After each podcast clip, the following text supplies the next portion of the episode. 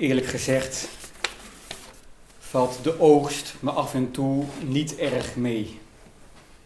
Maar op 40-jarige leeftijd beschouw ik mijn oude mooi weervriend, de lezer, als mijn laatste intens hedendaagse vertrouweling. En ik heb, lang voordat mijn tienerjaren voorbij waren, van de tegelijkertijd interessantste en in de grond minst opgeblazen vakman die ik ooit persoonlijk heb gekend, het nogal dringende verzoek gekregen om te proberen altijd onwankelbaar en nuchter respect te hebben voor de voorzieningen die zo'n verhouding beheersen. Hoe eigenaardig en verschrikkelijk die ook mogen zijn. De vraag is, hoe kan een schrijver rekening houden met de voorzieningen als hij volstrekt geen idee heeft wat voor mensen zijn lezers zijn? Het omgekeerde komt vaak genoeg voor, dat staat vast. Maar wanneer wordt de schrijver van een verhaal nu ooit gevraagd wat voor mensen zijn lezers zijn?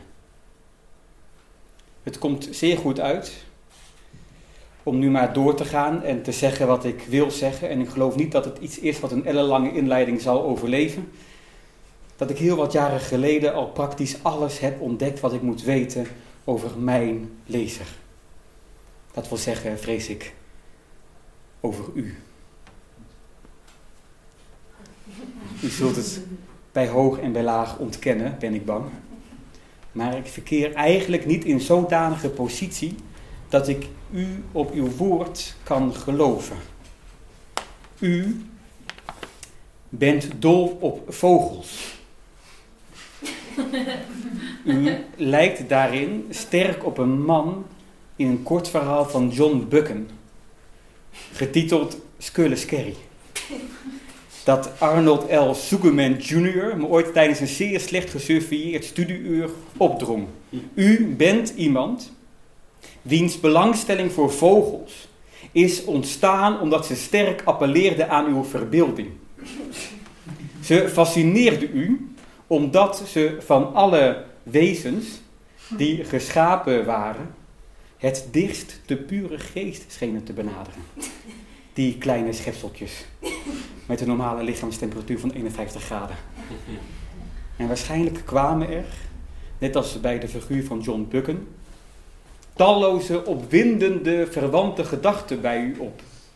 U bedacht, dat staat vast, het goudhaantje.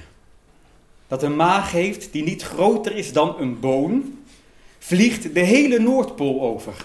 Noordzee. Vliegt de hele Noordzee over.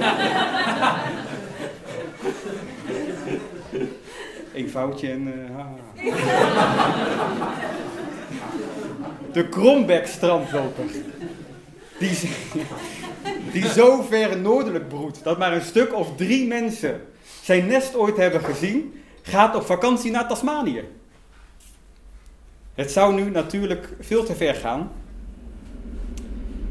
om te hopen dat mijn eigenste eigen lezer, u dus, een van de drie mensen zou blijken te zijn die het nest van de Krombek-strandloper ook inderdaad gezien hebben. Maar ik heb het gevoel, in ieder geval, dat ik hem, u, zeker goed genoeg ken om te raden wat voor goed, bedoelde, goed bedoeld gebaar van mijn kant nu welkom zou zijn. In deze geest van entre zijn dus, oude vertrouweling, voordat we ons voegen bij de anderen, de overal vastgelopenen, met inbegrip ongetwijfeld van de halfbejaarde snelheidsduivels die ons met alle geweld naar de maan willen schieten. De Dharma-fanaten, de makers van filtersigaretten voor verstandige mensen. De beatniks, de slonsen, de nukkigen, de uitverkoren secteleden. Alle verheven deskundigen die zo goed weten wat we wel of niet met onze zielige geslachtsorgaantjes moeten doen. Alle bebaarde, trotse, ongeletterde jongelui en onbedreven gitaristen en zenmoordenaars. En verenigde esthetische nozums die een door en door onverlichte neus ophalen voor deze schitterende planeet. Waar, laat me alsjeblieft doorgaan, Kilroy, Christus en Shakespeare alle drie zijn geweest. Voordat we ons bij deze andere voegen, zeg ik onder vier ogen tegen u, oude vriend. Eigenlijk tot u ben ik bang.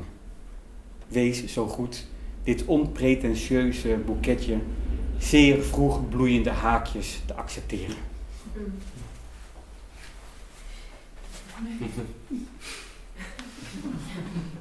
Ik denk hoogst onbloemrijk dat ik ze echt in eerste instantie bedoel als O-benige, gekniktbenige voortekenen van de geestelijke en lichamelijke staat waarin ik op het moment van schrijven verkeer. Ik sta hier met de waarschuwing dat niet alleen mijn terzijdes van nu af aan volkomen op hol zullen slaan, maar dat ik ook zonder meer van plan ben om af en toe persoonlijk bij de lezer op de rug te springen als ik iets naast het gebaande pad zie dat spannend, interessant of de moeite van een omweg waard lijkt. Snelheid, God mogen mijn Amerikaanse huid redden, zegt mij nu volstrekt niets. Ik wou deze eerste maandagavond beginnen met het aanbieden van haakjes. Omdat ik het gevoel dat deze maandagavonden een ode zullen zijn aan de haakjes. Aan de tussenzin, de bijgedachte. Ik heb zelfs, uh, vergeefs overigens, bij mijn uh, mede-organisatoren en artistieke leiders aangedrongen en gepleit voor het noemen van deze nieuwe ruimte, van de nieuwe tijd, dit nieuw café van de nieuwe tijd, uh, dat we het zouden noemen de tussentijd. en heus niet alleen, zult u dan morgen bij de koffieautomaat tussen neus en lippen door kunt zeggen, het was weer leuk in de tussentijd. of er gaat van alles gebeuren in de tussentijd. Nee, ik wou, de tussentijd, ik wou dit de tussentijd noemen, omdat we het erover eens waren dat dat hetgeen is wat we met deze avonden gaan proberen te creëren. Tussentijd. Lege tijd. Nog onbestemde tijd. Niet geclaimde tijd. Vrije tijd. Tussen de voorstellingen die we gaan maken door, tussen de voorgeschreven agenda's, de poepluiers, de protestmarsen, tussen uw geboorte en uw sterfdag. De tussentijd. Tussentijd om zo stil te staan als glassponsen. Zo formuleert Rebecca het graag. We moeten zo stilstaan als glassponsen, zegt ze dan. Zonder dit. We moeten zo stilstaan als glasponsen. Glasponsen, nee. Glasponsen zijn diertjes uh, die, die uh, op de bodem van de oceaan leven en nooit van hun plaats komen. Het zijn de oudste levende dieren, wezens op deze uh, planeet, de glaspons. Ze hebben volgens Wikipedia hebben ze een levensverwachting van 15.000 jaar. ja, ik weet zelf niet hoe ze dat ontdekt hebben. Waarschijnlijk was er ooit een glaspons die zo 5000 jaar oud was. En toen vroeg een bioloog en een andere bioloog: God, hoe oud denk je dat deze gaat worden? Nou, nog 10.000 jaar. Ze weten het niet. Wat ze wel weten is dat die sponsen dus duizenden jaren op één en dezelfde plek blijven. En zo hele scholen en stromingen langs zich voorbij zien trekken. En het is daarom dat de paleontologen deze zeldzame sponsen gebruiken om onderzoek te doen naar de geschiedenis van de wereld. Omdat organismen, Wikipedia, omdat organismen die zich het minst bewegen, omdat op organismen die zich het minst bewegen, de wereld zich het meest precies aftekent. En daarom moeten we van Rebecca zo stilstaan als glansponsen, glassponsen, zodat de wereld zich het meest precies aftekent. En wat zien de paleontologen dan als ze zouden inzoomen op deze avond, over 15.000 jaar, deze tussentijd, in ieder geval dit gedicht. Ja, er zijn duizenden vergissingen. Als we ochtends wakker worden, vergissen we ons. Als we ons uittrekken, vergissen we ons. Als we opstaan, vergissen we ons. Als we doodgaan, vergissen we ons deerlijk. We gaan naar buiten. En de zon schijnt op ons neer.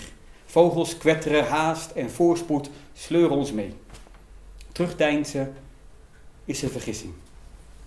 Het zekere voor het onzekere nemen is een vergissing. Niets over het hoofd zien is een vergissing. Het is een heldere dag.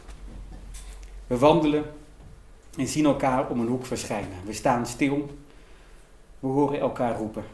Zien elkaar wenkelen, wenken. We aarzelen. Is ja ook een vergissing, denken we? Zou ja ook een vergissing zijn?